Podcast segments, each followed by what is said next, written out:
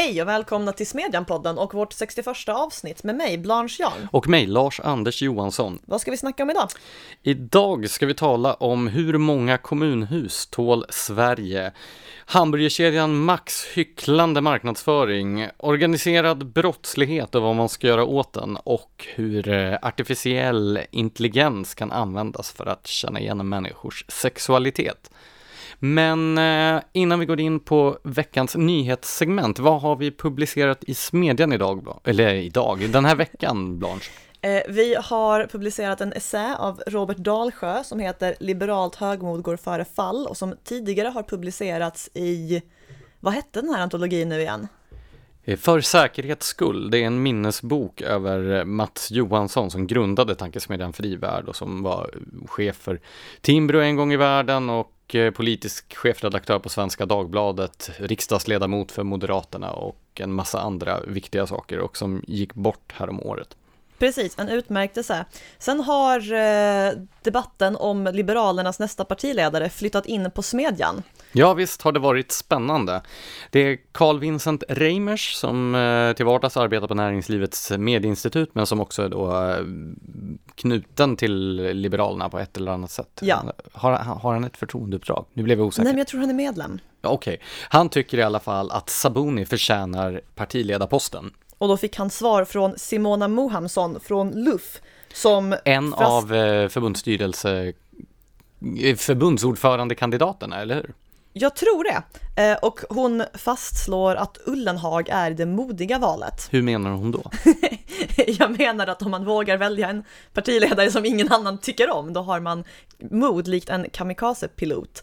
Eh, slutligen har vi också en ny text på ekonomisidan av Timbros chefsekonom Jakob Lundberg som heter Avskaffa värnskatten men nöjer inte med det, någonting jag personligen helhjärtat kan skriva under på. En riktig kioskvältarrubrik med andra ord. Vad har hänt utanför Smedjan i den stora världen under veckan då? Det har hänt förskräckligt mycket den gångna veckan. Kommer vi att hinna med allt detta innan det blir midsommar? Eh, ja, det återstår att se. Eh, nej men ska vi, ska vi börja med det senaste i Sabuni versus Ullenhag? Ja, det gör vi. Eh, ja, så nu har nästan alla distrikt röstat, om inte alla till och med när vi spelar in. Eh, och senast jag kollade så hade Ullenhag fått ett, ett väldigt, väldigt, väldigt litet andel distrikt för sig. Jag vet inte om det var Uppsala och ett till, eller Uppland och ett ja, till. Stockholm också. Ja, ja. Eh, och eh, eh, ja, alla andra har ju då valt eh, Nyamko Sabuni. Eh, Men Persson en... då, hur går det för honom? det går tyvärr inte så bra, fastän han är en väldigt kul så jokerkandidat. Ja, Men... jag hörde honom i eh, Ekots lördagsintervju och då gick han ganska hårt åt den här eh, folkpartistiska sloganen mot extremism. Då sa han så här, det är en värdelös slogan för vem är inte emot extremism? Alla är emot extremism. Om man inte är emot extremism, då är man ju knäpp. Åh, Persson! Ja. Ja, men Ska i alla Smedjan fall... börja endorsa Persson? Jag kanske tycker det. Vi har ju ännu inte haft någon som debatterar för Persson, så vi kanske får ta den själva. Eh, men i alla fall, eh, Aftonbladet har då fått kontakt med en källa med insyn i Liberalerna, eh, som hävdar att Ullenhags chanser är goda trots att ingen av partimedlemmarna verkar vilja ha honom. Eh, det är nämligen så att eh, ombuden som röstar om nästa partiledare inte är bundna av vad medlemmarna i deras distrikt har röstat på, utan det kan strunta totalt i det och välja Ullenhag ändå. Och då säger den här charmiga källan så här. Ombuden har en större klokskap och en erfarenhet som är större än en genomsnittlig partimedlem. så kan bara en elevrådsordförande uttrycka sig. Nej men det är fantastiskt att Folkpartiets ledning tar attityden de har mot hela det svenska folket och bara kastar den i ansiktet på sina egna partimedlemmar. Jo, men det verkar ju vara en väldigt smutsig intern strid det här som pågår. Jag läste i en av kvällstidningarna, det finns faktiskt sådana fortfarande, eh, att en tung liberalprofil i en intern Facebookgrupp hade liknat Sabuni vid Donald Trump. jo, fast finns, alltså är inte folkpartister det allra mest benägna att likna andra vid Donald Trump i hela det politiska landskapet? Uh, I wouldn't know. Ska vi gå vidare till eh, uh, kodisarna? Jo, det har ju eh, ut, haft uteslutningsbonanza den senaste veckan. Eh, det var krist, först Kristdemokraternas gruppledare i Danderyd, Joakim Gam, eh, som uteslöts på grund av en sån här samlad bedömning. Eh, bland annat så hade han uttryckt att abort är mord, han är nämligen katolik. Eh, och så hade han skrivit att islam är en totalitär politisk åsikt och kallat genusrasism och feminism för dåliga saker. Detta ryms inte inom den kristdemokratiska åsiktskorridoren och därför har han nu uteslutits. Men han är inte ensam om att få lämna sin post inom Kristdemokraterna, eller hur? Nej, det verkar som att eh, den här eh, lågintensiva striden som har funnits där ett tag mellan Ebba Busch Thor och Lars Adaktusson har kommit till ett slut. Ja, hur har det slutat? Ja, det har gjort sig av med Adaktusson. Ja, så vart ska nu den kristna högern ta vägen? Spänningen är olidlig. Jo, den är väl det. Alltså jag tycker ändå man får tillägga här också att Joakim Gam skrev eh, en Facebook-status som var betydligt mer mogen och snäll än vad Kristdemokraterna kanske förtjänar. Eh, men där han bland annat förtydligar att han har ställt sig bakom Kristdemokraternas abortpolitik och bortsett från sina personliga åsikter och så skrev han också att eh, i dagens debattklimat är det säkrare att bara rapa upp floskler än att tala från hjärtat och riskera att uppröra någon. Jag tror det kommer ligga Kristdemokraterna väldigt mycket i fatet, att det har sällat sig till dem som känner sig tryggare med flosklerna. Ja, det återstår att se om den här kristdemokratiska ballongen nu har punkterats och om Moderaterna kommer att få tillbaka sina gamla väljare eller om Kristdemokraternas framgångssaga kommer att fortsätta trots dessa avhopp och uteslutningar. Ja, spänningen är som sagt olidlig. Sen Över en... till bärs och socker. Alltså vi har ju en god nyhet för en gångs skull. Jag är så glad att kunna säga detta, men Kalmarbryggeriet som vi eh, talade om i förra, eller om det var förrförra avsnittet. Vi är alltså inte sponsrade av Kalmarbryggeriet. Ännu, men vi jobbar hårt på det. Det vann över Systembolaget. Det gick in för att segra eller dö, och det segrade. Eh, det här handlar alltså om att eh, Ängöl i Kalmar ville ha en fin etikett på sin midsommaröl, varpå Systembolaget fick panik, för att risken är att alla det som går till Systembolaget eh, utan att vilja köpa öl plötsligt får viljan att köpa öl när de ser etiketten. Och eh, Alkoholsortimentsnämnden som är den här lilla skärvan av förnuftets röst i den statliga alkoholpolitiken sa i princip skärp er till Systembolaget och nu får Kalmarbryggeriet nästa år sälja sin midsommaröl. Ja, jag känner mig lite investerad också i den här frågan eftersom när jag jobbade på Barometern i Kalmar så bodde jag alldeles bredvid det här eh, bryggeriet. Så att, eh, jag känner ju nästan som en del av verksamheten. Ja, det var då du började få sponsringen? Det var då jag började dricka öl. på Fint. arbetstid. Ja, eh, och sen så har du också blivit exalterad över nyheten om att det smugglas piratkopierat godis över Öresundsbron. Ja, alltså jag älskar tanken på det här. Eh, eller alltså det kanske jag inte borde säga, men så här. Eh, Danmark har 25% moms på socker eller alltså på liksom varor med socker i. Och dessutom har det en sockerskatt. Och det här gör att priset på den här sortens godsaker är så mycket högre i Danmark att det har uppstått en marknadstillfälle för personer som inte bryr sig om att följa lagen, även kända som den organiserade brottsligheten. Så det har nu tydligen börjat smuggla vad polisen kallar anmärkningsvärda mängder eh, av förfalskat och eh, utgånget godis till Danmark.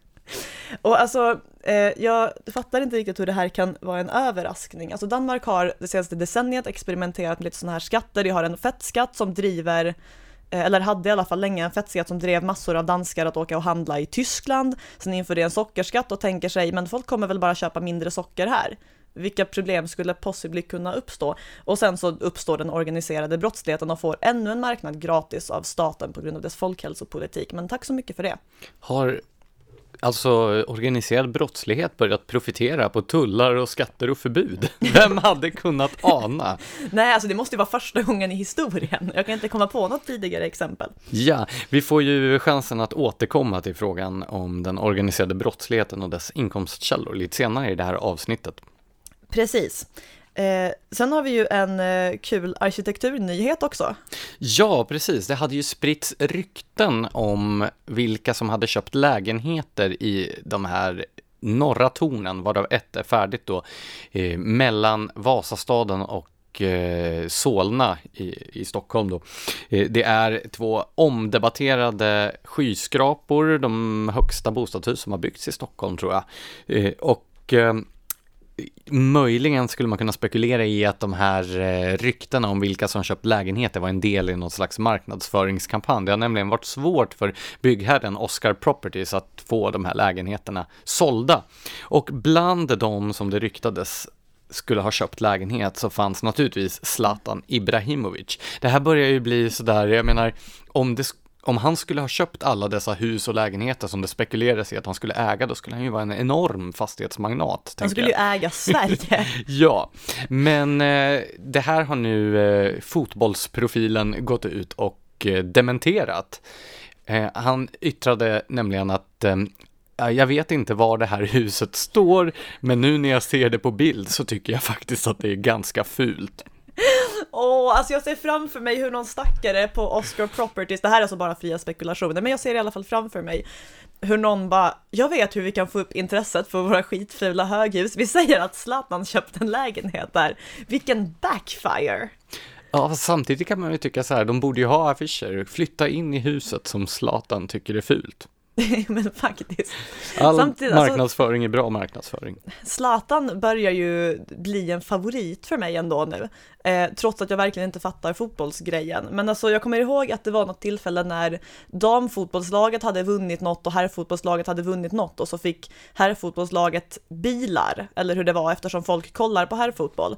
Eh, och så fick inte damfotbollen det och det blev en sån här kränkthetsdebatt var på Zlatan eh, som en så här född eh, diplomat steppar in och bara det kan få en cykel och min autograf så löser det sig.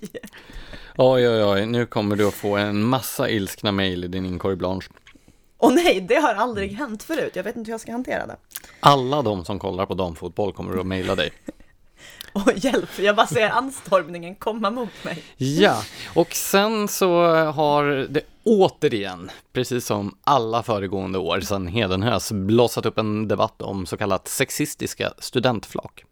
Ja, alltså jag tror ändå att debatten pikade förra sommaren när gymnasieminister Anna Ekström var tvungen att gå ut i, om det var tv eller radio och berätta hur oerhört tragiskt det var med studentflaken. Men... Det visar ju på verkligen varför vi behöver ha en specifik gymnasieminister.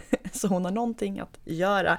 Eh, nej men alltså, det börjar bli väldigt tröttsamt med tanke på hur liksom förhållandevis förhållandevis milda det här flaken ändå är. Alltså, det är som att lärare och rektorer och politiker och ja, men, kränkta personer i publiken låtsas att de överhuvudtaget inte fattar poängen med studentflaken. Alltså man har suttit där i tre år och pluggat eh, och så vill man liksom i slutet demonstrera att man typ är cool och har ett sexliv i princip. Alltså det är ju det det här affischen egentligen går ut på, att man ska verka som att man har gjort något annat än plugga de senaste tre åren.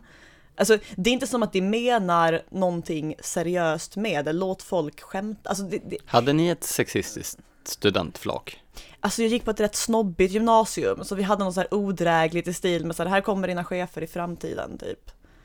Ja, jag vet, jag håller helt med om minen du gör just nu. Men uh, truth be told och så vidare. Um, men vad som störde mig det här året extra mycket, det var att det var ett flak jag läste om i Uddevalla Eh, där studenterna skämtade om att det var lärlingar till eh, den tv-profil som åtalades för våldtäkt under 2018 och friades. Alltså, hur kan det vara ett problem när en person har friats från ett åtal, att bara säga ja men vi är hans lärlingar, så här, vi begår uppenbarligen inte brotten vi anklagas för och vi bygger hus liksom. Jag fattar inte hur man kan göra det till ett problem. Det där visar bara att för vissa människor är det mycket viktigare om någon har dömts i media än ifall någon faktiskt döms i domstolen eller inte. Och det stör mig. Något som också stör dig är eh, Järvaveckan. jo, jo, och inte bara för att det är ett så här krystat, töntigt politikerjippo, utan också för att eh, det har varit något debakel med eh, en rappare versus två polit eller poliser. Eh, det var alltså två poliser som skulle medverka i ett eh, panelsamtal under den här Järvaveckan. Eh, och eh, så skulle det bland annat stå på scen med en sosse, en moderat och en rappare som blev så kränkt över att behöva stå på samma scen som polisen. Jaha, jag trodde det var poliserna som blev kränkta över att få stå, behöva stå med den här rapparen. jag tror polisen är vana vid rätt så mycket värre. Eh, men rapparen verkar inte vara van vid den här sortens förskräckliga behandling, så han vägrade. Och arrangörerna tyckte då att det lämpliga inte var att säga att då kan du gå din väg, utan att då kan väl poliserna gå sin väg. Så arrangören till Järvaveckan tyckte att poliserna kunde gå av scenen för att en rappare blev kränkt av att de var där. Ja, eller alltså det hade väl inte gått på scenen ännu, det, man gjorde sig av med dem i förväg, men det är fortfarande förskräckligt pinsamt. Alltså så här, om du är en rappare och du har tackat ja till att delta i en paneldebatt på en politiker vecka då har du inte jättemycket street cred ändå. Nej men alltså rapmusiken har väl egentligen ingen street cred heller. Hiphopen har varit soundtrack till offentlig sektor sedan åtminstone mitten av 1990-talet. Alltså enda anledningen till att hiphop fortfarande är så stort efter 25 år i Sverige är väl för att alla som fördelar kommunala och eh, regionala kulturbidrag är kulturbyråkrater som älskar tanken på då dessa exotiska människor från förorten och spelar hiphop. Men vem skulle bygga the street om vi inte hade offentlig sektor? Ja, nej det är sant. Det är en eh, mycket god poäng. Hiphop och offentlig sektor går hand i hand. Nej men alltså det är ju så otroligt, otroligt fånigt. Det finns ju till exempel det bedrivs då en skattefinansierad hiphop-akademi nere i Göteborg. Nej, det alltså. finns hiphop-gymnasier. Så jag tänker på då om, eh, om Men det jag har säkert helt spelade... politiskt korrekta studentflak, utan tvekan. Nej men så här, om jag när jag spelade i punkband hade blivit tillfrågad om jag skulle vilja gå ett punkgymnasium som ordnades av kommunen eller en punkakademi som finansierades med skattepengar, då hade jag ju omedelbart hängt av mig nitpajen och kastat bort mina stålhättekängor. Nej men alltså men om det... du blivit inbjuden till en paneldebatt under Järvaveckan, då hade du glatt tackat ja. Nej men alltså hur kan någon fortfarande tro att det finns ett uns alternativhet, heter är det substantivet? Nej. att det är en gnutta alternativt att ägna sig åt hiphop. Nej, jag fattar inte heller det. Sen har ju däremot eh, polisen också töntat till sig lite igen. Eh, det har gått ut med att det som tänder bengaler på fotbollsläktare är knarkare. Per definition. Ja, alltså. det där var ju så otroligt märkligt.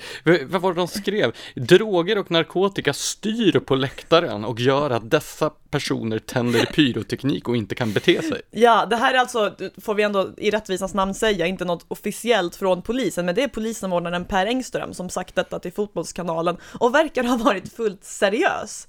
Så Alltså- varför skulle man tända bengaler om man inte vore hög på heroin? Jag då som har stått på AIKs klackläktare Norra Stå i två decennier känner ju mig otroligt chockad över att jag har tydligen varit omgiven av då narkomaner och knark knarkbaroner utan att jag ens har känt till det. Vem vet, du kanske har varit en själv? Och att de dessutom ger sig till känna genom att tända bengaliska eldar, det gör ju det hela bara ännu mer häpnadsväckande. Ja, alltså hade jag knarkat på en fotbollsläktare omgiven av massor av poliser och alla poliserna visste att den som tänder bengaler är knarkare, då hade jag inte tänt min bengal. Ja, nej men alltså den här historien nu med polisens nya strategi visar vi fotbollspubliken blir bara mer och mer bizarr. Så det var länge sedan jag såg ett så kontraproduktivt polisarbete som den här frontalkrocken mot hela det svenska, alltså hela fotbollssverige som polismyndigheten ägnar sig åt nu. Ja, nej, den verkar faktiskt ha tappat det lite. Ja, verkligen. Sen har vi nyheter från England också. Du har läst statistik. Alltså, vad jag framförallt har läst är kommentarerna till statistiken och sen har jag upplevt att större delen av folk som har kommenterat det här på min Facebook också har tappat det. Det har gjorts en undersökning eh, bland eh, Tories partimedlemmar eh, där de har fått alternativ som på temat Vill du genomföra Brexit även om Eh, även om det leder till att Skottland eller Nordirland lämnar Storbritannien vill du genomföra Brexit även om ekonomin skulle ta allvarlig skada, även om eh, själva Torypartiet går under och så vidare. Och det visade sig att eh, partimedlemmarna var beredda att låta Skottland och Nordirland lämna, att låta ekonomin ta skada och att låta Torypartiet gå under till förmån för Brexit. Däremot var de inte beredda att gå med på Brexit om det gör Jeremy Corbyn till premiärminister. Med tanke på att han hade fått ungefär samma effekter på ekonomin så förstår jag inte riktigt hur det hänger ihop. Men... Nej, men det här visar ju att det faktiskt finns andra värden än bara då ekonomisk vinning och att dessa värden tydligen hålls högt av Torypartiets medlemmar. Ja, och alltså Torypartiet kommer inte att överleva ändå åtminstone inte i någon sorts liksom, vettig och stor form, om det överger Brexit helt. Eh, men alltså jag fattar inte att vi liksom på, du vet, kapitalets tankesmedjas tidning ska behöva förklara för människor att det alltså finns värden som inte har med pengar att göra och som ändå spelar roll för människor. Ja, det där är så konstigt, särskilt när jag har läst då svenska reaktioner på den här undersökningen. Ja, det är dem jag talar om. har varit så otroligt upprörda. Hur kan de göra det här kontraproduktiva? Men det är klart, det verkar ju vara andra prioriteringar. Men alltså har det själva, i den mån det är partimedlemmar, alltså ingen fråga som är viktigare för dem än deras eget partis överlevnad? För då kanske de borde se över sina egna värderingar istället. Ja, det ska i alla fall bli spännande att följa den här utvecklingen också. Ska vi gå över till dagens första stora ämne? Jo, det kanske är dags nu. Ja, du har skrivit om hamburgare. Jag vet. Eh, men inte i så jättepositiva ordalag. Det är hamburgerkedjan Max som nyligen gjorde ett utspel om att minst varannan hamburgare som säljs i Max restauranger ska vara grön inom tre år. Och det här har alltså inte att göra med att köttet ska vara jätte, jättegammalt och ha ja, färg. Jag tänkte, tänkte just det, att en hamburgare blir säkert grön om man lämnar den i tre, I tre år. år. Men det var ett väldigt billigt och dåligt skämt. Vi ber våra lyssnare och läsare om ursäkt och sen så går vi vidare med detta seriösa ämne. Ja, nej, jag ber inte om ursäkt. Jag står för mitt dåliga skämt. Men men vi går ändå vidare. Eh, min hypotes är att... Nej, nu urartade igen. Okej, okay, så min hypotes är att eh, Max kommer att nå detta mål och överträffa det, förmodligen mycket snabbare än inom tre år. Eh, det är nämligen så att de köttätare som inte slutade äta på Max när företaget tidigare i år började samarbeta med Djurens Rätt, eh, det de kommer antagligen att göra det när det blir företagspolicy att försöka omvandla ens hamburgare till en jag kollade upp vad det här innehåller, det här vegoburgarna. Det hette tydligen texturerad sojaprotein och vetegluten eller någonting. Det lät absolut vidrigt och det ska man alltså lockas att köpa istället. Fast så här, jag, jag tror ju att du har fel i den där spekulationen. För det första så tror jag att de flesta som äter kött betraktar ju sig inte som köttätare som ett slags identifikation, utan man betraktar sig som en helt normal människa och att det är de som inte äter kött som är onormala. Det är sant, det men köttätare låter ju väldigt coolt som ett rovdjur. Jo, men jag tror inte att din inställning, din passionerade inställning till köttätande är representativ för alla som äter kött och okay. handlar på Max. Dessutom så uppfattar ju inte jag den här kampanjen som att Eh, Max har tänkt att när du går dit och så beställer du en köttburgare så säger de så här, nah, är du säker på att du inte ska ha den här gröna sojaburgaren istället? Så tror jag inte det går till, utan de ska ju försöka göra de här eh, vegoburgarna attraktiva så att du ska frivilligt välja den. Fast var går egentligen gränsen mellan så här, miljöpartistiska pinnar och alltså pekpinnar och att bara göra någonting attraktivt. Alltså, så här, ska de bara göra reklam för de gröna burgarna och inte för klassiska hamburgare eller vad?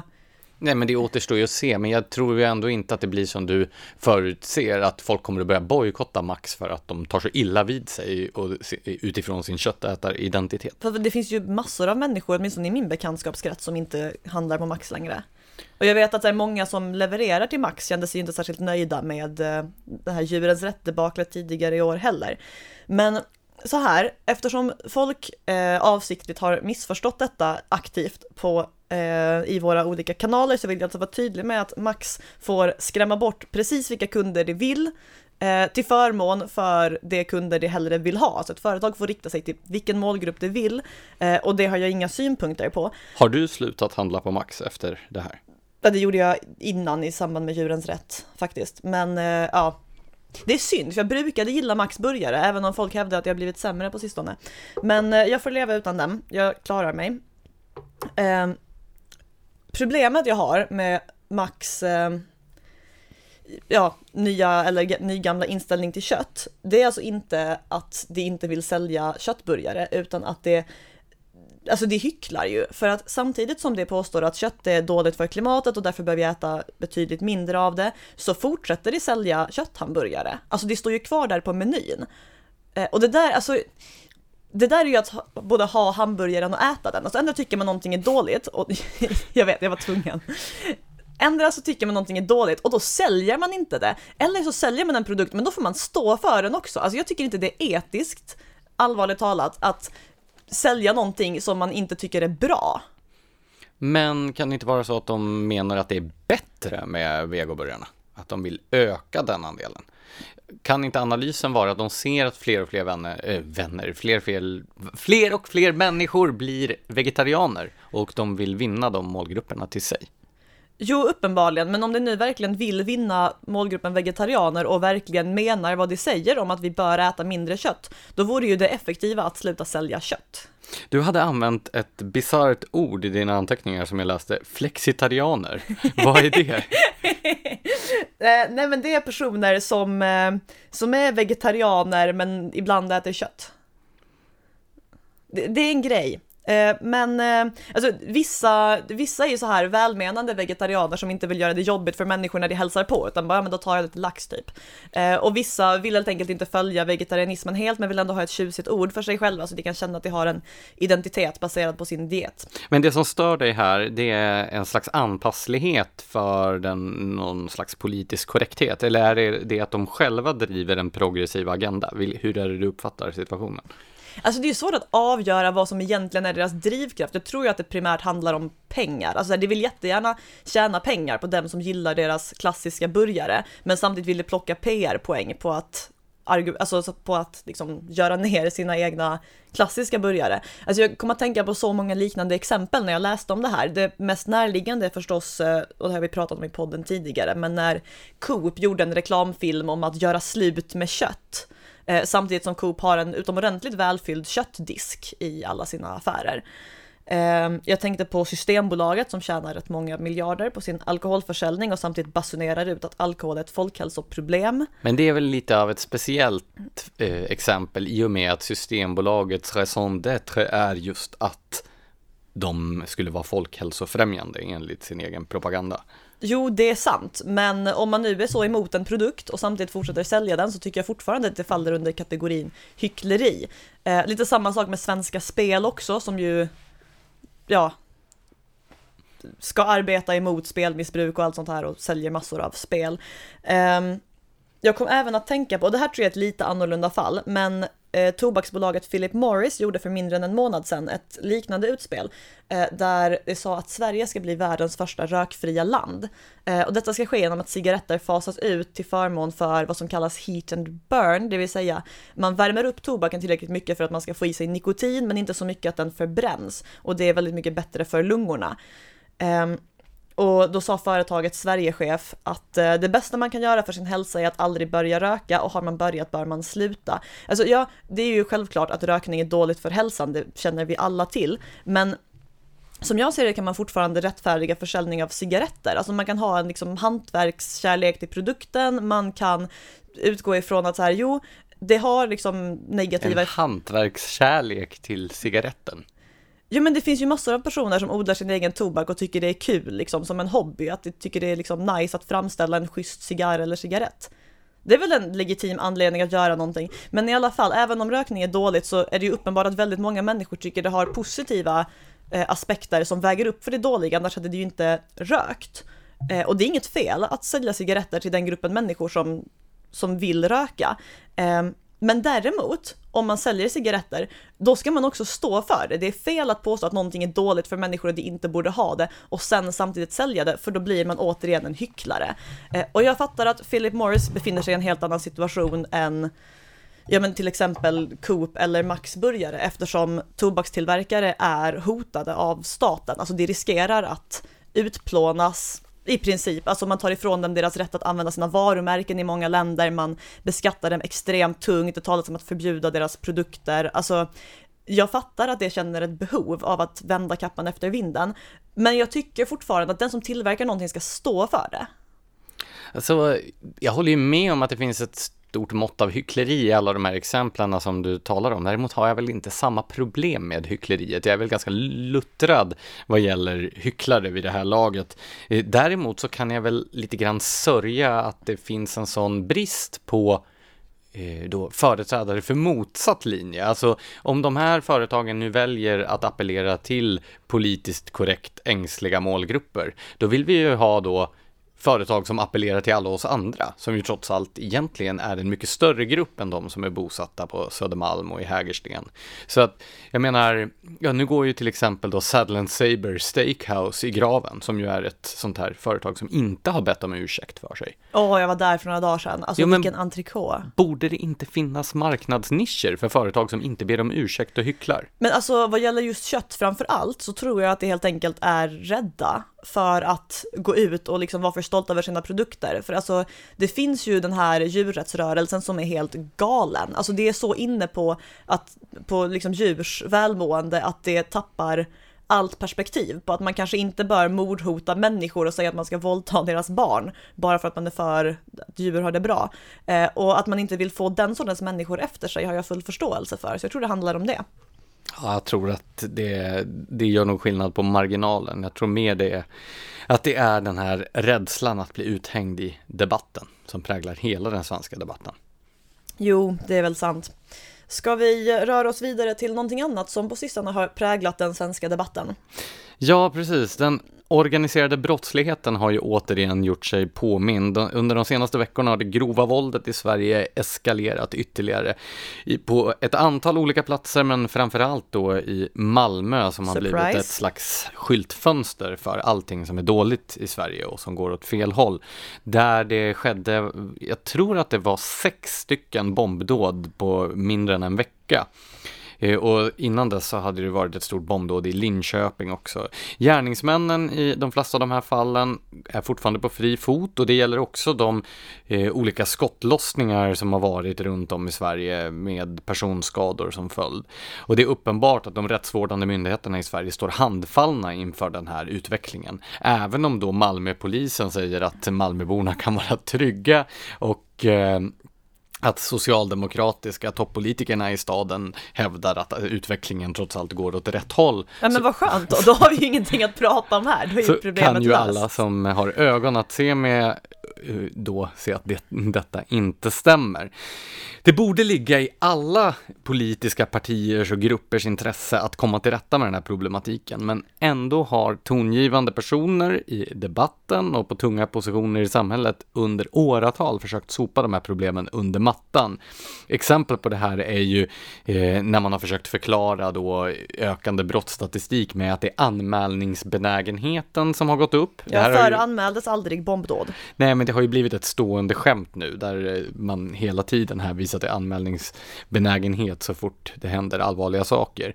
Eh, eller då den här relativiseringen som hela tiden sker av utvecklingen när folk säger att det minsann var ännu våldsammare på medeltiden eller att fylleslagsmålen har minsann minskat sedan 1980-talet eller risken är större att man snubblar och dör i badkaret än att man sprängs ihjäl i ett bombdåd. Eller ett annat exempel, eh, den här eh, metadebatten som vi hade om huruvida man skulle få kalla de stadsdelar dit polisen inte kan åka utan att själv vara eskorterad av polis för no-go-zoner. Jag gör inte det allvarlig skada för de stackars områdena som drabbas av detta och därmed går miste om investeringar de annars hade fått trots alla bombdåd. Ja, nej men den metadebatten som initi- eller de- den sköt fart efter att Per Gudmundsson på Svenska Dagbladet hade använt begreppet no-go zone. och då var det massor med folk som ryckte ut och sa att nej, så är det inte alls för polisen använder inte själva det här begreppet så därför låtsas vi att vi inte förstår vad Per Gudmundsson menade. Och det är sådär hela tiden att ordval anses då vara eh, ett större problem än de problem som ordvalen syftar på. Men alltså om det nu inte tar den här allvarliga brottsligheten på något större allvar, då borde det ju inte bry sig om ord överhuvudtaget kan man tycka om det har en lite så här chill, happy-go-lucky attityd. Men det är ju istället vänt på det hela, så att allting irrelevant gör man en jättestor affär av och det relevanta rycker man på axlarna åt. Ja, precis. Vi minns ju för något år sedan när eh, två poliser i Malmö blev påkomna med att ha kallat då våldsverkande ligister i staden för apejävlar och det här hade fångats på film. Och det renderade en storm av vrede mot polismyndigheten. Det vill säga att det var värre än då det här eskalerande våldet som poliserna försökte eh, komma till rätta med. Eh, men nu då på senare år så tycks den här förnekande och relativiserande gruppen ha tystnat något och det är väl för att eh, brottsligheten har eskalerat till en nivå när inte ens den mest förhärdade kriminolog kan förneka att Eh, det faktiskt är allvarligt det som pågår. Men eh, Ja, det som jag skrev om i den här artikeln, det handlar ju om vad som bör göras för att rättsstaten ska återupprätta sitt anseende. För i förlängningen, och det har vi varnat för i Smedjan vid åtskilliga tillfällen, så finns ju en situation där människor inte längre litar på att staten kan upprätthålla lag och ordning och istället kommer att söka sig till andra instanser för att säkerställa sin egen trygghet. Vi har diskuterat då eh, medborgargarden och grindsamhällen och eh, andra tänk tänkbara scenarion som inte ligger så långt borta. Och vad är det då som polisen behöver göra? Ja, det första är ju att de behöver ta kontrollen över de här områdena, de områden som man inte får kalla för no-go-zoner. Och för att kunna göra det så behöver poliserna sätta skräck i de kriminella som måste få oss att förstå att det kostar och smärtar att jävlas med polisen. När jag har pratat med poliser som arbetar ute på fältet så vittnar ju de om att de gängkriminella, de skrattar ju åt poliserna. Ja, det är inte helt svårbegripligt att det gör det heller med tanke på hur, ja men så här, bara man kollar på Brås eh, uppklaringsstatistik, alltså flera så här, brott mot person och egendom har uppklaringsgrad på under 15, ofta under 10 eller till och med under 5 procent, det gäller vissa stölder. Alltså, det är ju klart att man inte oroar sig över att begå brott när ens chanser att åka dit i princip är obefintliga. Nej, dels är det ju Eller det. att åka dit. De som grips släpps ut omedelbart och eh, dessutom så, så fort som Polismyndigheten får kritik så viker myndigheten ner sig, som exemplet då med AP-jävlar. Alltså, jag fattar ju att de som arbetar ute på fältet och hela tiden konfronteras med de sämsta sidorna av människans natur till slut lägger sig till med en kanske rätt rå jargong. Jag tycker inte att det är så konstigt och jag tycker definitivt inte att den råa jargongen, även om den är olämplig, är ett större problem än de problem som poliserna är satta att hantera ute på gator och torg. Nej, det är som att det inte finns något mellanläge mellan jag bryr mig inte och det här är det värsta som någonsin hänt och polisen som uttryckt sig så här borde hamna i fängelse i 20 år. Alltså kan man inte bara konstatera att vi kanske inte, det här kanske inte är det lämpligaste sättet att formulera vad du känner just nu, men det finns större saker att ta tag i här. Men det är naturligtvis en balansgång, för samtidigt som polisen måste bli hårdare och tuffare för att sätta sig då i respekt eller sätta skräck i de här kriminella, så får det inte ske på ett sätt som gör att man vänder majoriteten av befolkningen i dessa stadsdelar emot Polismyndigheten. Där har vi ju då exemplet från arbetet med eh, fotboll, eller mot fotbollspubliken, där polisen framgångsrikt har skjutit sig själva i foten genom att vända hela fotbollssverige emot sig. Men alltså är inte det här också någon sorts märkligt utslag av minsta motståndets lag? Att vad gäller så här allvarlig organiserad brottslighet så gör polisen verkligen inte tillräckligt och vad gäller fotbollspubliken så sätter det in liksom alla möjliga saker som den sen inte sätter in mot den organiserade brottsligheten. Jag tänker att det kanske har att göra med att så här, fotbollspubliken är inte ett lika stort problem och gör därför mindre motstånd. Nej, det är ju definitivt mindre riskabelt att ge sig på eh, vanliga åskådare på idrottsevenemang. Trots att, att det alla är nerknarkade och viftar med bengaler. Ja, men eh, anledning, anledningen till att jag tog upp det nu, det är ju för att man får inte göra på det sättet när man ska närma sig då de här så kallat utsatta områdena så att man får den befolkningen emot sig, utan de hederliga medborgarna som bor där ute måste ju känna att de har ordningsmakten på sin sida. Ja, alltså saker som typ så slumpmässiga husransakningar och sånt skulle ju vara ett väldigt dåligt sätt till exempel eftersom det skulle drabba oskyldiga människor som själva skulle känna sig otrygga på grund av polisen. Så det finns ju fel vägar att gå. Men nu hörde jag faktiskt eh, så sent som i morse på radion att de boende i Gottsunda utanför Uppsala önskade ökad polisnärvaro efter den senaste tidens skjutningar. Så att det verkar ju som att Polismyndigheten har fortfarande, åtminstone i Uppsala, förtroende hos de som då bor i de värst drabbade stadsdelarna. Men, apropå Uppsala då, polisen finns, eller problemen finns inte bara hos polisen och eh, polisen gör också bra saker. Förra året så genomförde just Uppsala polisen en omfattande kampanj för att komma till rätta med den här gängproblematiken och eh, gjorde ett stort antal gripanden. Men de flesta av de gripna släpptes ju på fri fot nästan omedelbart.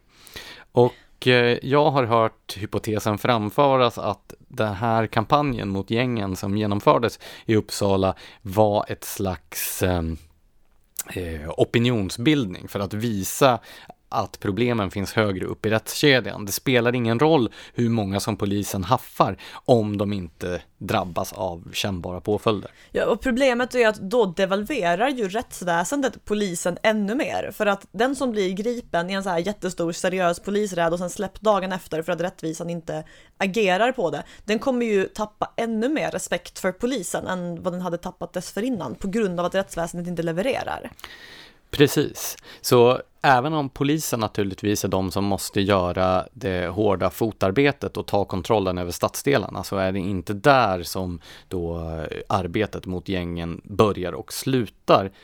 Eh, förra året så skrev säkerhetsexperten Jan Kallberg en intressant debattartikel på SVT Opinion där han eh, listade nio punkter för att komma till rätt rätta med eh, gängkriminaliteten. Så jag tänkte vi kunde diskutera Kallbergs nio punkter. Eh, det första förslaget som han hade var väldigt konkret. Han föreslog att man skulle erbjuda 50 000 kronor kontant till den som anonymt anmäler illegalt vapeninnehav och att detta leder till dom. Vänta, alltså snackar vi kontanter nu? Eller liksom bara att man sätter över pengar? Ja, det här handlar om att bryta upp Eh, lojaliteten i de här förorterna. Det vill säga att kriminella anmäler varandra. Som Kallberg skriver, då är det slutviftat med vapen från BMW. Det bryter upp lojaliteten. Så här, jag håller med om utgångspunkten, men med tanke på att 50 000 kronor får man ett antal vapen för, skulle man inte bara kunna... Ja, jag tror du inte riktigt förstod Kallbergs poäng. Den handlade alltså primärt om att bryta upp lojaliteten med, inom de här kretsarna. 50 000 kronor är ganska mycket på gatan. Jo, definitivt. Jag menar mer att det kan ju också leda till att folk ser det som ett bra sätt att så här, berika sig själva i termer av vapen.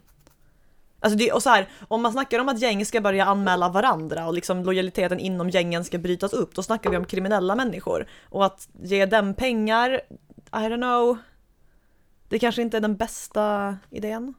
Fast om pengarna går till den som anmäler an, eh, anonymt anmäler illegalt vapeninnehav så kommer det ju sannolikt att få en effekt på just det illegala vapeninnehavet och dessutom på lojaliteten mellan de här individerna. Mm, jag funderar bara på så här negativa konsekvenser av det, men okej, det var inte det värsta förslaget. Vilket är det värsta förslaget?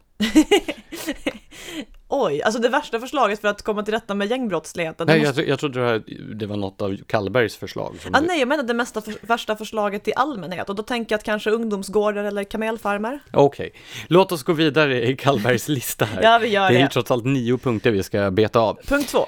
Ja, eh, Kallberg menar eh, att i USA säger man follow the money att man ska låta olika myndigheter samköra offentliga register eh, och även för gängmedlemmarnas närstående för att kunna lokalisera var de har placerat vinsterna från den kriminella verksamheten.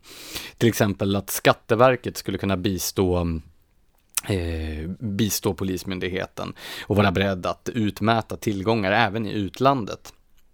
Punkt tre hänger ihop med detta, att man ska samordna mellan a-kassa, försäkringskassa, kommun och andra myndigheter eh, att fastställd kriminell inkomst avbryter bidragsutbetalningar. Det är helt sjukt att det inte redan är en princip som finns på plats. Det här är Sverige. jo, jag vet, men Sverige är också helt sjukt. Bidragen måste fortsätta betalas ut, oavsett, alltid, oavsett. Det sista som lämnar Sverige är bidragen. Eh, det fjärde, det handlar om att de som döms till fängelse ska placeras på anstalter långt bort från hemorten så att de fängslade gängmedlemmarna inte kan behålla sin status när då personer från deras närmiljö kommer på besök. Eh, han skriver då, även om det skulle innebära byggande av en riksanstalt i Karesuando i vad då för något? Alltså det är en ort väldigt långt uppe i Norrland. Men alltså det här är också en så konstig grej att det inte redan är satt i system. Ja, men... men varför sätter man någon i närheten av hela dess kriminella liv om man kan låta bli? Det är ju extremt onödigt. Ja. Okej, okay, nej, inga svar på den frågan.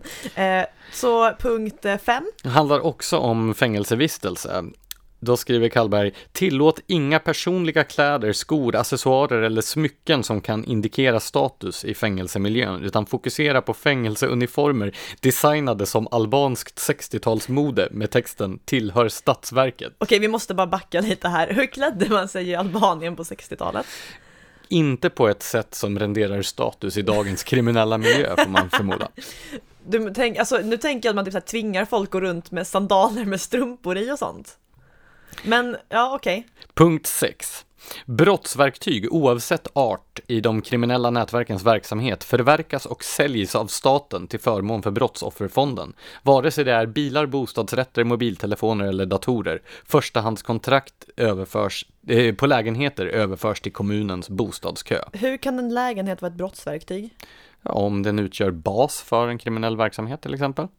Okej. Okay. Verktyg, ja okej, okay. nej men jättebra. Vi släpper den.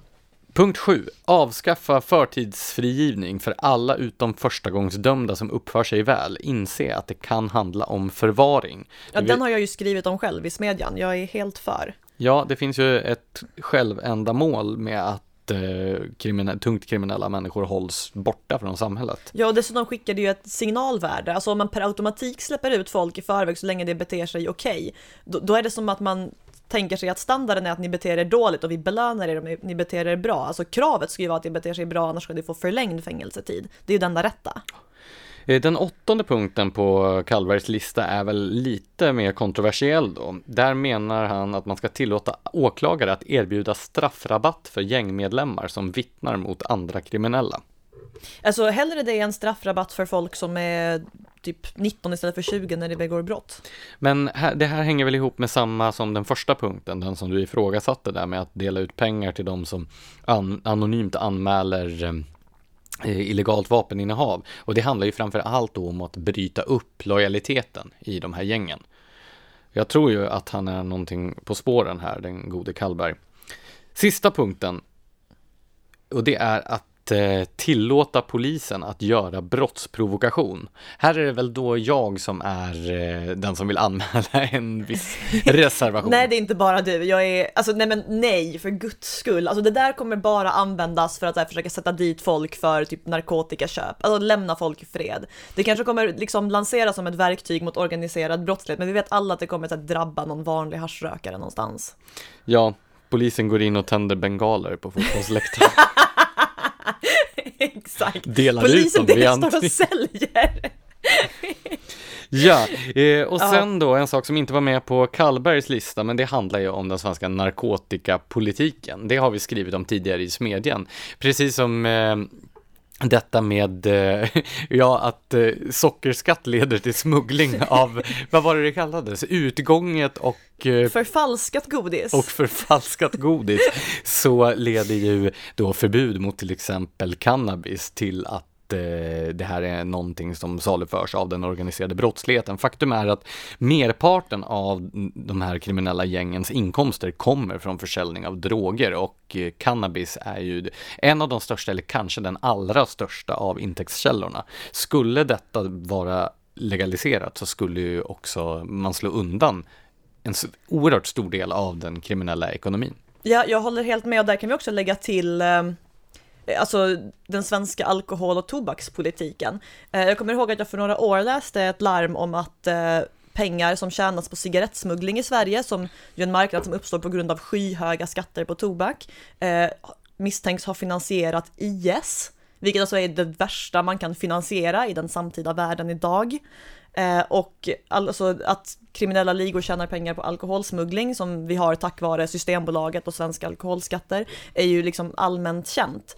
Så där skulle man också kunna göra en hel del nytta med att rycka undan eh, mattan under fötterna på brottsligheten. Det verkar ju med andra ord som att det finns en hel del saker som man kan göra. Ja, men eh, då måste man ju först bli klar med debatten om no-go-zonerna.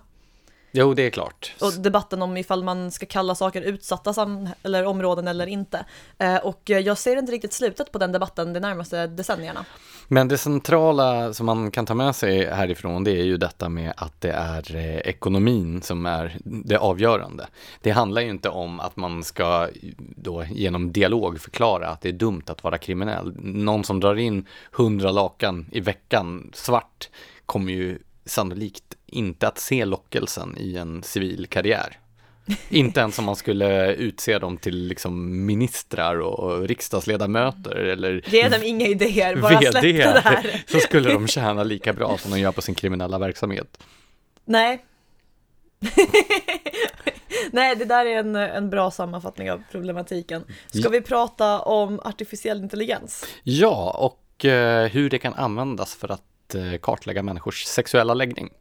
Ja, alltså det, det där är ju i sig sjukt. Men eh, två forskare eh, vid Stanford i USA har eh, tagit artificiell intelligens eh, och lärt den att se på människors ansikten vilken sexualitet de har. Eh, eller rättare sagt, den har lärt den att skilja mellan homosexuella och heterosexuella ansikten. Eh, Eftersom AI har förmågan att skumma igenom väldigt många bilder mycket snabbare än människor gör och hitta mönster på ett säkrare sätt så har det funkat. Eh, att det går att se tecken på sexualitet i människors ansikte tror de här forskarna kan ha att göra med ehm, eh, exponeringen för hormoner i livmodern som både kan påverka ansiktsstrukturen och eh, sexualiteten hos människor och det här har folk så här på skoj kallat den AI-gaydar. Eh, och det, alltså, jag har funderat över vilken sorts positiv nytta man skulle kunna ha av något sånt här och det enda jag har kommit på är att så här, i den mån folk fortfarande träffas romantiskt utanför appar, utan så här i verkliga livet, så skulle det väl vara liksom schysst med ett par så här, solglasögon som informerar om vilken sexuell läggning personer har på en bar typ. Väldigt obskyrt, men jag kan liksom tänka mig att där skulle man kunna ha nytta av det här. Sen tänker man på vilken skada skulle kunna göras med teknik som gör att du kan se på en människa vilken sexuell läggning den har. Och jag kom fram till ett Ja. antal. Jag funderar på mullorna i Iran till exempel. Ja, det finns ju liksom några så här eh, saudiarabiska homofoba fanatiker som tycker att man ska stena ihjäl människor som gillar fel personer. Eh, Jag kollade upp det här och i av världens 193 länder så har 70 ett förbud mot att eh, män har sex med andra män och 44 har förbud mot samkönat sex mellan kvinnor. Vad är Eh. det för konstig diskrepans där? Jag vet inte riktigt, jag tror man, eh, jag tror man bara ser det som en värre grej av någon anledning. Jag, jag har ingen aning, men det finns en diskrepans där och eh, den ser ut så. Eh, I flera av de här länderna finns dessutom dödsstraff i eh, straffskalan och även i länder som inte praktiserar dödsstraff eh, för eh, homosexuella och bisexuella eh, så eh, eh så riskerar ju människor fortfarande i många av dem att dö i hatbrott som är ganska vanligt förekommande i delar av världen. Ehm, och då tänker man sig en AI-gaydar i händerna på den här sortens regimer eller den här sortens hatgrupper och känner en aning obehag inför tanken på att det skulle inträffa. Eller Kina för den delen, som ju har sitt sociala kreditsystem eh, och redan dessutom ligger i framkant för ansiktsigenkänning. Eh, det straffar ju människor för oönskat beteende genom att reducera deras poäng i det här sociala kreditsystemet och har man för låga poäng så får man till exempel inte resa inom landet och sådana här saker. Eh, nu så är homosexualitet visserligen sedan 2001 inte en mental sjukdom enligt kinesiska myndigheter. Eh, Men det är jättevanligt fortfarande att människor pressas att ingå i eh, äktenskap med en person av annat kön. eh, Fastän det ju då inte skulle vilja egentligen. Eh, Och eh, personer som är, eh, alltså man måste vara heterosexuell för att få adoptera ett kinesiskt barn. Man ska typ kunna lämna någon sorts intyg på att man är heterosexuell om man är ensamstående. Då Så att- slipper man ju det. jo, och det skulle ju Då vara... behöver man bara gå dit och visa ett straight face. Alltså när jag drog det här skämtet så tyckte du det var jättedåligt och nu sitter du och garvar åt dig själv. Det var faktiskt du som garvade åt ditt men- eget skämt. Skillnaden är att du skrattar tyst, men du gjorde ju en min. Hur som helst, det är, det är, det är ett bra skämt. Det är ett bra skämt. Eh, ja, Det är faktiskt bättre än den gröna hamburgaren. jo men den var lite mer spontan. Ja, Eh. men nu måste vi återvinna allvaret här, för det här är ett allvarligt ämne. Eh, ja, det är sant. Alltså, vad jag tänker är så här, ett väldigt vanligt tankefel som människor gör är att de tror att samhället ständigt så rör sig framåt och så utvecklas och blir bättre och trevligare på alla sätt och vis. Eh, och så funkar visserligen den tekniska utvecklingen, till exempel som AI, alltså den blir ju effektivare och effektivare. Eh, eller så andra tekniska grejer, för att det liksom ligger i teknikens natur. Eh, även om vissa teknikprylar förstås ger intryck av raka motsatsen, men om vi bortser från det, så, eh, den liksom mänskliga civilisationen funkar inte på det sättet. För att den bygger på mänskliga egenskaper som är konstanta. Och bland de här egenskaperna så ingår tyvärr en benägenhet att välja ut en grupp i samhället och beskylla den för allt ont som någonsin inträffat eller tendensen att inkräkta på andras privatliv för att man tycker att de åsikter man själv har om den personens privatliv är så relevant att det borde efterföljas tvångsmässigt. Eh, och ju mer avancerad tekniken blir, till exempel inom AI, desto värre utlopp kan den här sortens väldigt dåliga mänskliga impulser få. Alltså bara blicka tillbaka på de senaste hundra åren och fundera över hur många större regimer eh, där som det vore trevligt om de kunde se på människor vilken sexualitet de har. Apropå det så har det dessutom sagt, forskarna bakom det här eh, eh den här AI-gaydar-grejen, att eh, de även räknar med att AI kan, ska kunna se på människor vilken IQ de har eh, och tror jag vilken sorts politiska tendenser de har. Alltså det finns jättemånga saker som, som, som det är obehagligt om så här regimer eller företag eller andra människor kan se på en att man har eftersom det finns en rätt till ett privatliv där som den här AI kan komma att se. What could possibly go wrong? Ja, precis. Ska vi, ska vi nöja oss där? Ja, det känns ju som att vi kanske får anledning att återkomma till detta framöver. Jo, tyvärr gör det ju det, men eh, så länge så är väl min generella slutsats att det behöver finnas en viss skepsis med när man talar om AI, för att det är ett neutralt verktyg. Det kan användas för massor av bra saker. Alltså jag nämnde i artikeln jag skrev om det här att det redan har räddat eh, liv. Eh, genom att kunna identifiera cancer som vanliga människor missar, sådana saker. Men det kan lika gärna användas för förskräckligt dåliga saker och det behöver vi ha med i beräkningarna när vi snackar om AI. Artificiell intelligens, nu ännu obehagligare. Sen har ju du skrivit om den kommunhusbonanza som har drabbat Sverige. Ja, precis. Det verkar ju som att nya kommunhus, nya administrationsbyggnader för kommuners härskare och tjänstemän är det nya svarta i den offentliga sektorn. Jag var nere i Växjö och eh, så fort jag klev av tåget så sprang jag in i en stor byggnadsställning, för där håller det på att uppföras ett nytt kommunhus. Inte bara ett kommunhus, utan en kombination, en multifunktionsbyggnad. Men vilket vidrigt som... ord, använder ni det själva? Ja, en multifunktionsbyggnad som dessutom uppförs utan bygglov. Det här är väldigt roligt, de har fortfarande inte fått, ja jag vet. Men... Men alltså om man själv är kommunen, då behöver man inte bry sig. Ja, det finns alltså ett kommunhus i Växjö. Det finns även en järnvägsstation, men nu ska man uppföra en multifunktionsbyggnad som ska vara både järnvägsstation och ett palats för kommunens potentater. Ja, men... så att deras pendling ska bli bättre och det enklare. Ska också, nej det är aldrig enkelt att pendla till Växjö, men det ska också bli ett vardagsrum för Växjöborna. Alltså tv-skärmar och plantor? Jag tror att det är helt enkelt ett ställe där människor som inte trivs i sina egna vardagsrum eller kanske inte har ett eget vardagsrum ska hänga runt. Det låter som att det kan bli jättetrevligt och kommer skilja sig extremt mycket från hur eh, livet på ett så kallat resecentrum annars ser ut. Ja, precis. Men eh, jag tror att vardagsrum är det nya offentlig sektor begreppet för det som tidigare kallades för mötesplats. Alltså när man tror det inte kan börja låta vidrigare.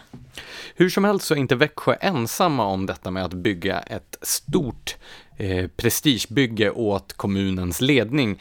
Eh, runt om i Sverige planeras eller uppförs nya kommunhus, bara ett axplock är Huddinge, Östersund, Täby och Botkyrka.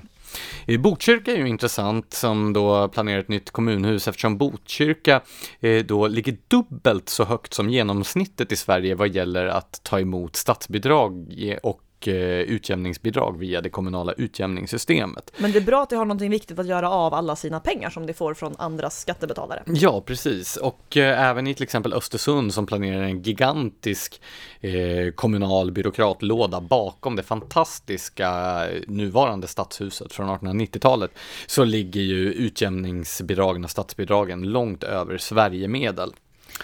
I Växjö motiveras i och för sig byggandet av det nya kommunhuset med att de gamla lokalerna är för stora och att det skulle vara en ekonomisk vinstaffär att bygga nytt då istället för att renovera det gamla och så ska det gamla kommunhuset byggas om till bostadsrätter i, i centrum.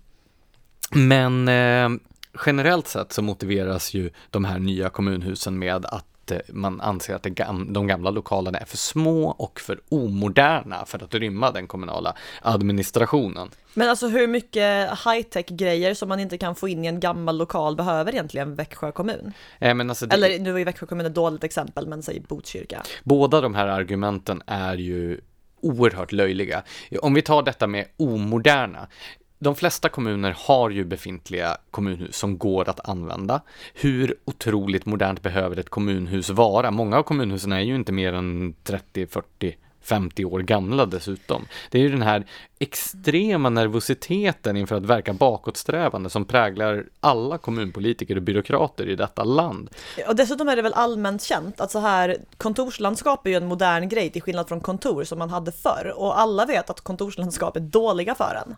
Ja, så kan man jämföra med hur det ser ut i andra länder, till exempel i Frankrike där då nästan alla städer har sin stadsledning i ett ett eh, gammalt Hotel de Ville, alltså ett stadshus från alltså 1700-1800-talet eller ibland ännu äldre. Och där skulle ju man framstå som en galning om man förespråk eh, förespråkade att man skulle byta ut den här kulturhistoriska byggnaden mot ett nytt.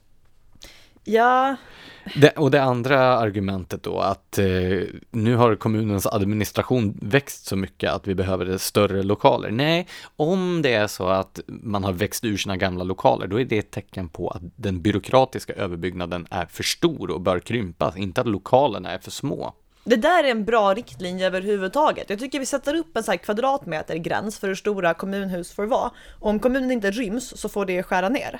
Ja, men jag tänker på det, för att dra en parallell då till viktpendlare som börjar anpassa storleken i sin garderob till sin nya kroppsform istället då för att anpassa sin kroppsform till den befintliga garderoben. Vad man önskade att kommunerna pendlade istället för att bara expandera konstant. Jo, eh, det skrev jag inte i texten, men jag har ju en privat vision om att eh, den svenska statens totala administration inte skulle överskrida vad som får plats i byggnaderna på Riddarholmen i Stockholm där man hade den statliga administrationen en gång i världen.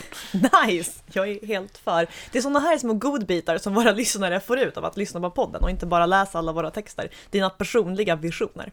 Men eh, det verkar ju hur som helst då som att den här vågen av nya kommunhus som sköljer över Sverige, den kommer nu när i princip alla kommuner redan har byggt en multi City Event Arena och ett nytt äventyrsbad, vilket ju var det som för en eh, 15, 10-15 år sedan var det allra coolaste man som kommunpolitiker kunde göra för att sätta sin kommun på kartan. Och det är ju klart att om varenda liten buske har ett äventyrsbad och en eh, multi-event-arena som ska konkurrera med eh, multi-event-arenan och äventyrsbadet i grannkommunen, då behövs det ju en ganska stor administration för att ratta det här maskineriet. Jag skulle ju snarare säga att det är de få kommuner kommuner som inte har en multisportarena och ett simhus som är det som verkligen förtjänar att sitta på kartan. Det känns ju lite så spännande och exotiska nu.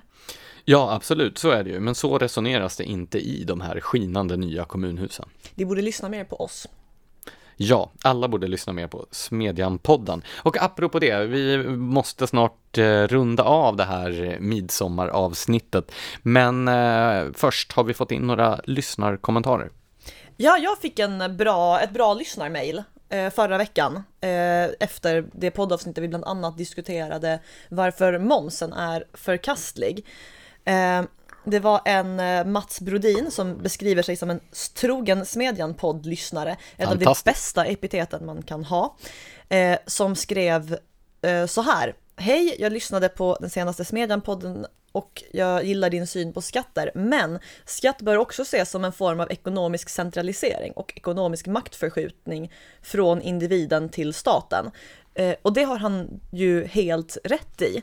Alltså, det finns ju väldigt många olika etiska och praktiska och moraliska problem med skatt. Eh, det får tyvärr inte alla alltid plats i en och samma text. Men jag, alltså jag skulle till och med säga att det allvarligaste problemet med skatt är just den här maktförskjutningen. Varje tusenlapp staten, staten tar från oss för att spendera på vad den anser är bra för oss är ju pengar vi förlorar makten över och inte får bestämma över vad det ska läggas på. Så att alltså, den här maktförskjutningen är ju kanske det allra värsta av alla problem. Ja, absolut. Och nu vet vi ju att Eh, i väldigt många kommuner så går åtminstone den här tusenlappen till uppförandet av ett nytt kommunhus.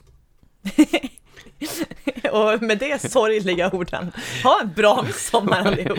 ja, eller hur? Nej, men eh, då vill vi bara uppmana er till att prenumerera på Smedjans artiklar genom att gå in på www.timbro.se smedjan och fylla i era e-postadresser så får ni Smedjans artiklar rakt ner i er inkorg varje vardag och även varje lördag. Dessutom så vill vi gärna att ni prenumererar på den här podden och om ni tycker att den är bra så får ni gärna rösta på den och ranka den i de olika podd... Eh, vad heter det? Apparna? Ja, så att vi hamnar högre upp i de där listorna så att Men... fler blir likt Mats Brodin trogna Smedjan-podden-lyssnare. Exakt, men tycker ni den är dålig så nöj er med en eh, arg kommentar i vår, uh, vårt Facebook-kommentarsfält. Vi älskar arga kommentarer i vårt Facebook-kommentarsfält. Oh ja. Tycker ni att den är dålig så har ni kanske inte lyssnat ända fram hit i och för sig. det finns en risk. Såvida ni inte är väldigt masochistiskt lagda. Eh, sen vill vi bara påminna om vår eh, Smedjan t-shirt också, ingen offerkofta, designad av satirtecknaren Martin Jakobsson som står bakom satirsajten i Fablernas land. Den går att köpa från Smedjan för 150 kronor. Perfekt till midsommargarderoben, även om den förstås inte hinner levereras i tid nu. Nej, men det kommer nya midsomrar. Jo tack. Så, ha en trevlig helg. Tack för att ni har lyssnat.